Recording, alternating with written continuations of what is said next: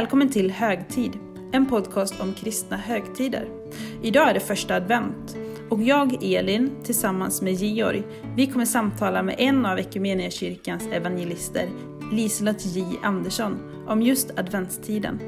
Och vi börjar som vanligt i evangelietexten.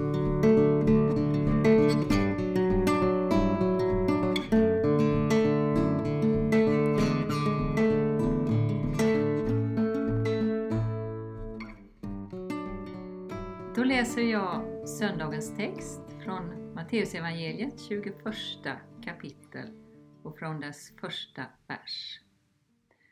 När Jesus och hans lärjungar närmade sig Jerusalem och kom till Betfage vid Olivberget skickade Jesus iväg två lärjungar och sa till dem Gå bort till byn där framme så hittar ni genast ett åsnesto som står bundet med ett föl bredvid sig.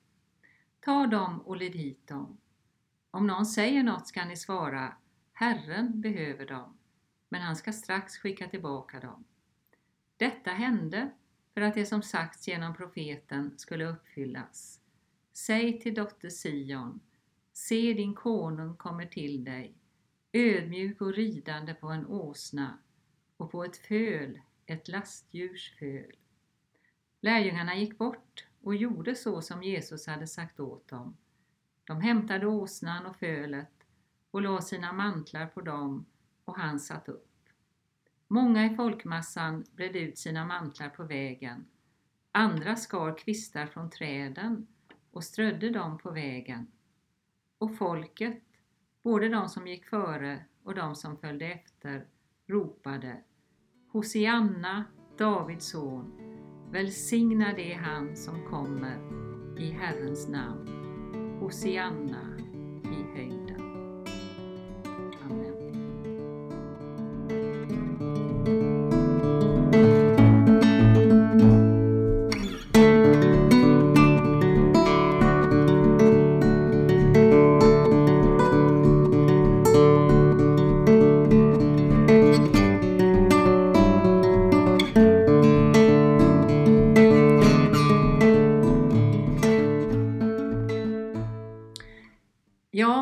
faktiskt kunna säga gott nytt år eftersom vi börjar ett nytt kyrkoår den första söndagen i advent.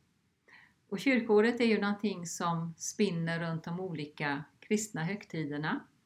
Och det var någonting som utbildades under ganska, eller utvecklades under ganska lång tid i den tidiga kristna kyrkan och hade då påskdagen som utgångspunkt där vi ju firar Jesu uppståndelse. Varje dag på kyrkoåret, varje söndag, har ju också ett tema. Och för den första advent är det ett nådens år. Och när man då tänker tillbaka på 2020 så kanske rätt många av oss lite rynkar pannan. Därför att vi tänker, har detta verkligen varit ett nådens år? Och då tänker jag givetvis på det som har påverkat hela världen och gjort så mycket så annorlunda för oss, detta med pandemin. Men tänker man efter en gång till så kanske många av oss ändå kan se glimtar av nåd. Det kan man ju verkligen göra om man har klarat livhanken. Om man kanske inte har gjort några allvarliga förluster. Och när vi nu bor i en så privilegierad del av världen där man trots många svårigheter så ofta kan få god hjälp.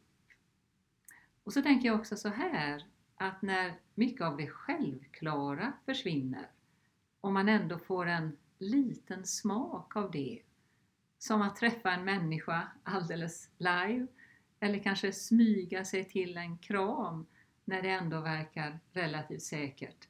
Det kan plötsligt kännas som en nåd. Och så har väl det här varit ett år där vi har fått hjälpa varandra mer än vanligt. Och både detta att ge hjälp och att också kunna ta emot kan ju vara en sån där erfarenhet av nåd. Men det här är ju faktiskt året som har gått och så väntar vi då på att få nu börja ett nytt kyrkoår och sen snart ett alldeles vanligt kalenderår och har säkert ett slags hopp att året som kommer då mer skulle vara ett sånt där nådens år. Och så börjar det när det gäller kyrkoåret med första advent. Och det är klart att där gör det kanske lite ont någonstans. Därför att vi inser ju att allt det där som annars brukar vara ett sånt ljus innan det stora vintermörkret tar vid, så blir det inte riktigt i år. Det blir inte samma feststämning i kyrkan. Det blir inga tomteparader eller skyltsöndagar. Inte så mycket orgelbrus, ingen julkonsert. Och i jämförelse med hur det brukar vara så kan det kanske komma att kännas lite magert. Och man måste väl få både sörja och sakna det. Men när man väl har både sörjt och saknat så tror jag faktiskt att man kan få uppleva det som rätt ofta är sant, att less is more. Alltså när mycket av det där utanpåverket försvinner så kanske man hittar fram till själva kärnan igen. Jag ska inte predika i år på första advent. Det brukar jag nästan alltid göra. Och när jag tänkte på det häromdagen så tänkte jag, det gör kanske inget ändå. Finns det något mer att säga om den där lilla åsnan mm. som trippar in i Jerusalem med en märklig last på ryggen? Och så läste jag texten, samma text som jag nyss har läst här. Och då var det ändå några ord som sådär väldigt tydligt lyste emot mig. Och det var de här Se din konung kommer till dig. Därför att rätt många av oss kanske tänker hur blir det på första advent? Ska jag sitta där ensam? Ska vi sitta där ensam med tänt ljus? Och vi kanske undrar både om advent och jul. Var, när, hur ska man egentligen fira? Och då känns ju de orden som en gåva. Se din konung kommer till dig. Man kanske inte behöver leta. Och bläddrar man lite i psalmboken då, och det kan man faktiskt göra även om en del ord kan kännas lite ålderdomliga, så finns det så mycket i de här adventssalmerna som är värt att påminna sig om och ta vara på. Och mycket handlar ju om detta att Jesus kommer. Till exempel i en adventssalm sjunger vi Han kommer till sörjande hjärtan och livet får annan gestalt. Och det handlar om ett väldigt personligt möte. Och i samma psalm finns också det större perspektivet. Det som handlar om att något hände med döden i och med Jesu död och uppståndelse. För vi sjunger i en annan vers så här. Han kommer ur graven med byte och skuggornas boning blir ljus. Och tar man sedan den kanske allra mest kända och sjungna adventssalmen, den som börjar Bered en väg för Herren, så sjunger vi där i en vers Ej kommer han med härar och ej med ståt och prakt. Dock ondskan han förfärar i all dess stolta makt. Och då kan man ju verkligen få lust att invända. Ja, vi kanske tror på det, men vi ser inte så mycket av att Jesus förfärar ondskan. Och jag läste en eh, liten adventsbetraktelse av Jonas Jonsson som förut har varit biskop och som också skrivit många fina salmer. Och han skrev så här Jesus och hans lärjungar får inte heller bukt med världens våld men hans radikala alternativ upphör inte att locka. Jesu radikala alternativ till våldet upphör inte att locka. Så även om man inte ser så mycket av det så kanske man ändå kan suga på en sån strof och det kan ge en slags tröst och hopp. Dock ondskan han förfärar i all dess stolta makt. Och lägga till en strof ur en gammaltestamentlig text för den här dagen där det står att krigets vapen ska förintas. Och då hittade jag också en annan adventssalm som inte är så känd. Men där fanns en bön också på det här temat att Jesus kommer. Och den eh, löd så här. Så kom och bli vår förebild i vad vi gör och vad vi vill. Du fattig gästar hos oss här, men himmelrikets konung är.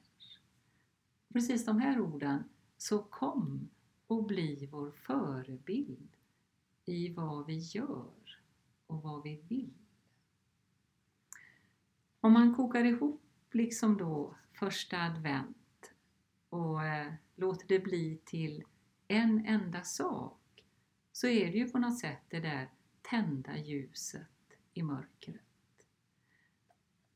Jag har en ganska stor del av min tjänst ägnar jag till enskilda samtal med människor. Så har det varit i många år och det har faktiskt förstärkts nu under den här tiden. Dels så eh, är ju mycket av det offentliga inställt så det blir en del tid över och sen finns det ett extra stort behov just nu av människor som helt enkelt har behov av att dela sina liv på olika sätt.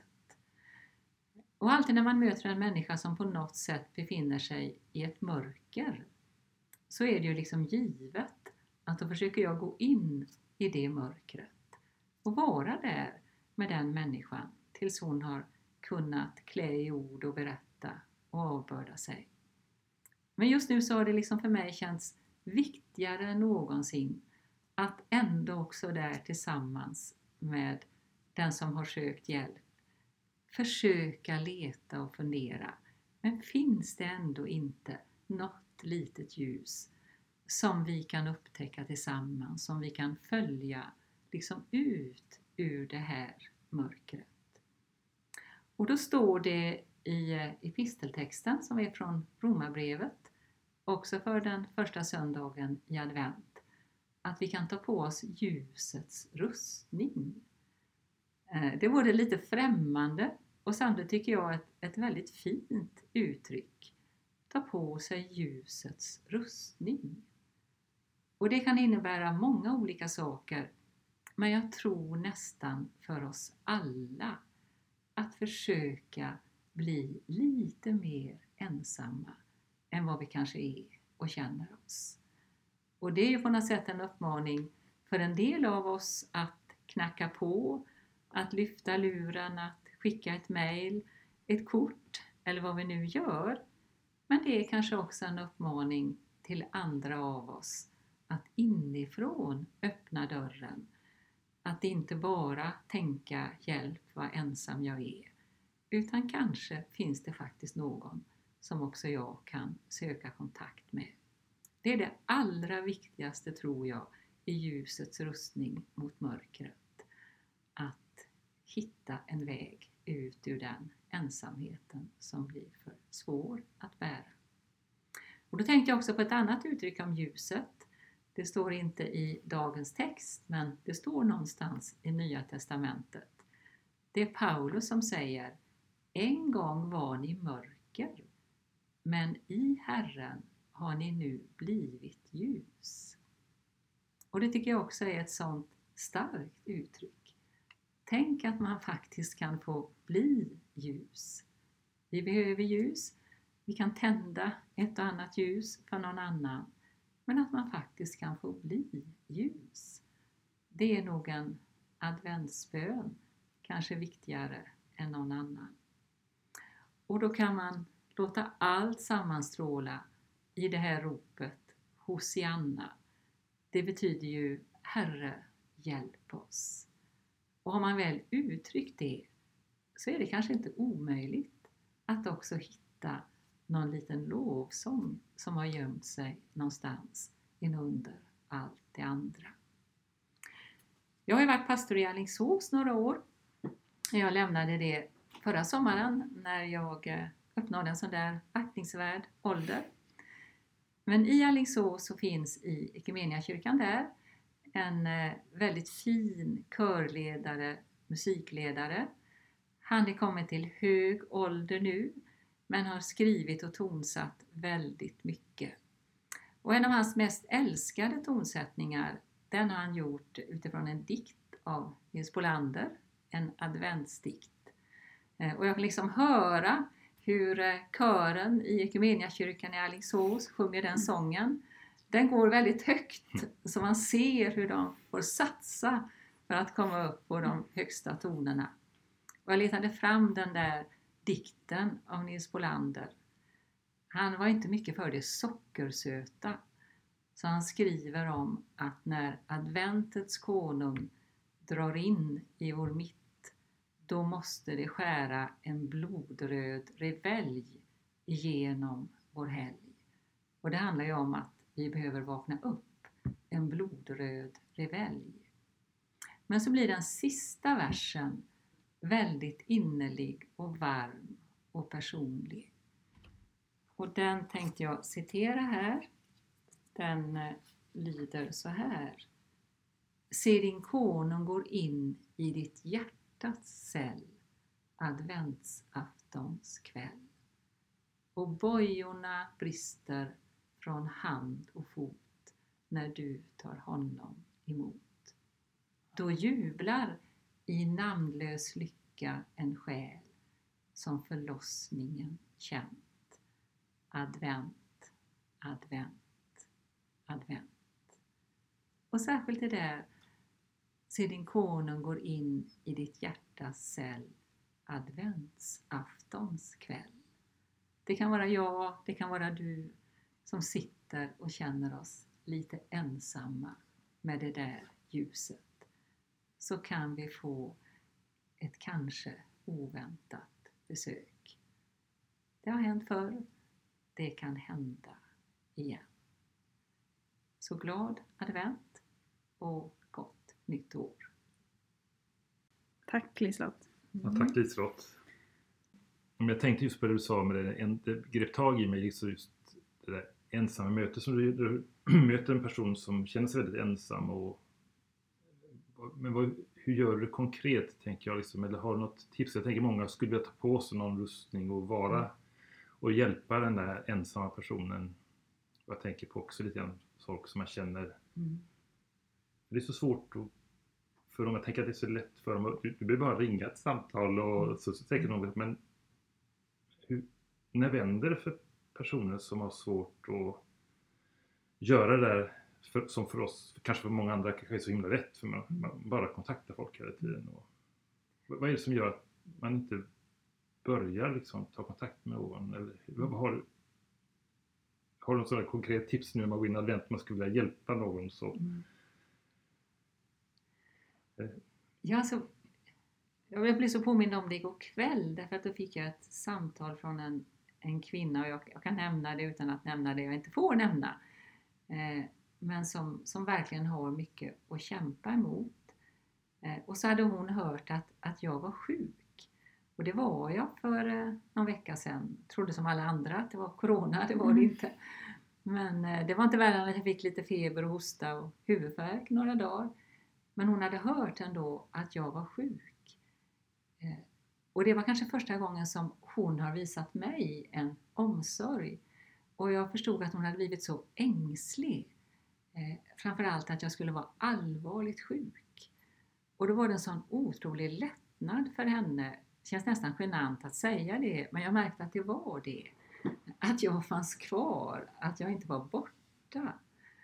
Eh, och det blev på något sätt en sån viktig påminnelse för mig att eh, det är trots allt det att, att vara den som på något sätt blir kvar.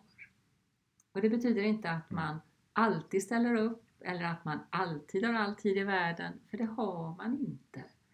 Men ändå den där på något sätt, eh, jag är ändå här, jag finns här.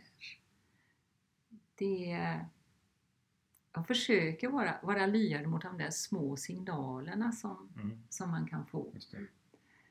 Eh, och jag tycker så ofta att jag blir påmind om att det är inte det, det märkvärdiga som efterfrågas. Eh, utan det är påminnelsen om att jag faktiskt finns till. Och det kan hjälpa en människa att själv på något sätt vågar bli till. Eh, och sen märker jag ju ofta att eh, det väldigt vardagliga kan betyda en del. För för de som är alltför ensamma så är kanske det den, den stora saknaden. Det är det där väldigt vanliga och vardagliga. Eh, så jag försöker samla på mig enkla saker som jag har att berätta. Mm. Det är lite Mm. små saker som man kan skratta åt och, och eh, Just det. Det var intressant. Du samlar på dig alltså, lite Ja. vardagliga saker. Du skriver ner. ja faktiskt, och det erinrar mig och skriver ner. Mm, intressant. Och inte minst det där som, kan, som kanske hjälper en människa att lite vända blicken Mm. bort från sig själv. För det är också ofta en hemlighet. Just det. Just nu när vi går in i första advent så brukar det ju vara en minst sagt hektisk period för oss Mm. alla, eller väldigt många i alla fall. Men jag kan ändå få en känsla när du pratar här om att, att man kanske till och med ska ta den här äh, tiden som är nu under pandemins år och tid här att ta det lite mer långsamt och vända sig lite mer inåt. Är det så jag kan tolka dig? Jo, det är faktiskt så att äh, vi nu går in i det som för många är väldigt bortglömt. Det är den lilla fastan. Alltså den stora fastan är ju de där 40 dagarna från äh, askonsdagen, fastlögnssöndagen fram till påsk. Mm. Men de här fyra veckorna nu är den lilla fastan. Ett sånt där väldigt enkelt eh, hjälpmedel som jag själv har använt mig av under många år, det är de fyra adventsljusen. Och så tänker jag på ett välkänt bibelord från Jesaja som vi ofta citerar den här tiden som handlar om barnet som ska födas. Nu har jag den lite äldre ordalydelsen i, i tanken, jag tycker den är bättre. Och då står det att eh, Jesu namn ska vara underbar rådgivare, väldig Gud, evig fader, fridsfurste. Och då tänker jag att man kan tända ett ljus för vart och ett av de namnen och kanske ta med sig veckan som ligger framför. Vad betyder det för mig att han är en underbar rådgivare? Vem annars vill jag särskilt be för som behöver en underbar rådgivare? Stefan Löfven eller Anders Tegnell eller någon annan person. Och sen tror jag att vi mår väldigt gott av att också kanske göra något konkret av den här fastan. Till exempel äta lite mindre någon dag och tänka hur många pengar sparade jag nu? Och de kan jag lägga undan till något av de många behov. Vår eh, insamling till missionen till exempel eller något annat under den här tiden. För det är också så att eh, en förberedelse av fasta, den gör festen till mer fest. Och kanske hur mycket vi saknar, kanske kommer att sakna i år, de riktigt stora festerna när alla är där och så vidare, kan hjälpa oss att dra ner lite på de där kraven, allt vi tycker att vi måste ha och göra och förbereda. Det kan jag faktiskt känna lite skönt. Mm. Jag håller verkligen med. kanske blir den bästa julen någonsin, fast man inte riktigt om den. Jag tycker det är roligt också, bara hoppa tillbaka till början där du sa att allting är sagt som kan sägas om den här åsnan. Ja, Typ. Jag fascineras fortfarande lite av den där åsnan, för jag, med de här palmgrejerna, men varför tror jag att den, man minns den så väl, den åsnan? Det, det är något, det valet ja. ändå liksom. Jag förstår att du kanske nästan är tröttnat på att prata om den. Eller vad hade han valt idag? Om, om, ja. är det, Han hade väl ta- han hade väl kört en Skoda som jag kör. Ja, du tänker så ja. Ja. Nej men det är ju på något sätt, det, det, är det är lite näpet är kanske ett märkligt ord men det, det är så enkelt och en åsna är ju inte heller så väldigt hög Nej. utan Nej. Jesus kommer ju på, på något sätt i ögonhöjd. Eh, Det... Ja. Den här texten läser man ju också när det är påsk. Ja. Eh, och eh, vi samtalade om den här texten med en av dina kollegor, nu kommer jag faktiskt inte ihåg exakt vem det var, men jag tror det var Britta Mm. Hermansson. Och då ställde jag frågan, hur kommer det sig att alla dessa människor runt omkring då inte sprang därifrån? För hade det då kommit en person rida på en åsna idag Mm. och då, då hade man kanske snarare sprungit därifrån för det är så skumt och så märkligt så att här får vi nog hålla oss undan liksom. Mm. De flesta verkar ju köpa dem, offrar ju till och med sina klädesplagg på, på den här åsnan och märkliga personen på åsnan. Jag inbillar mig att det måste vara någonting som eh, Jesus utstrålade, någonting i blicken, något som, eh, som tilltalade. Jag har också ofta tänkt på att eh, alldeles innan det här intåget sker så står det ju att Jesus ser ut över Jerusalem och gråter, gråter häftigt. Kanske tårarna hade torkat, men det kan ju också ha varit någonting som fanns kvar i atmosfären. Alltså någon som eh, verkligen kände med situationen och vad de behövde. För den som inte är insatt kanske i bibeltexten, kan du inte bara berätta vad är det som händer efter den här, eftersom vi pratar om den också i påsk? Mm, precis. Eh, Det är ju eh, intåget i Jerusalem sen ganska snart så tas ju Jesus till fånga och eh, skenrättegången mot honom Mm. rullas upp som gör att han döms till döden och avrättas för att uppstå på den tredje dagen. Men det växlar ju oerhört.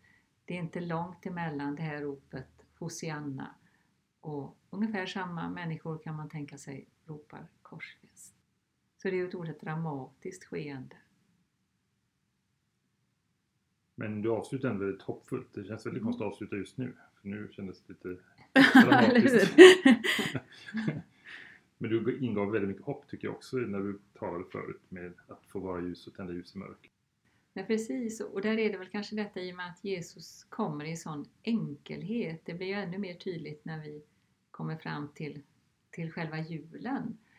Men, men på något sätt så, eh, så inbjuder det till efterföljd.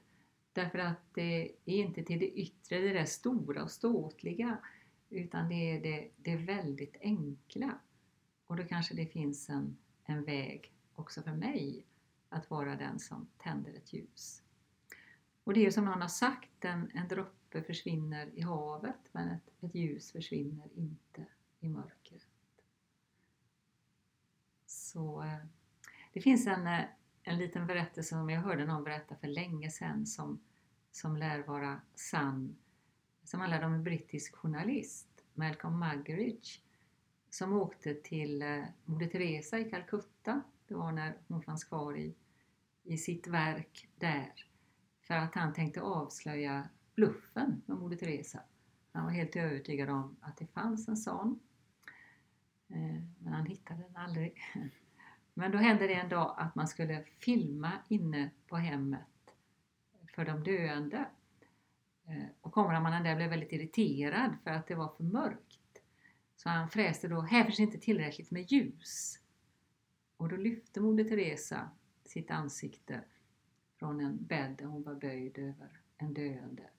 Och så sa hon, här finns tillräckligt med ljus. Eh, och då mätte kameramannen igen och då fanns det tillräckligt med ljus. Fast inga strålkastare hade satts på. Men det var ett ljus från en annan ljuskälla. Och så tror jag att vi kan tänka om det där vi gör som vi inte tycker är så märkvärdigt. Att eh, det finns nog ändå tillräckligt ljus.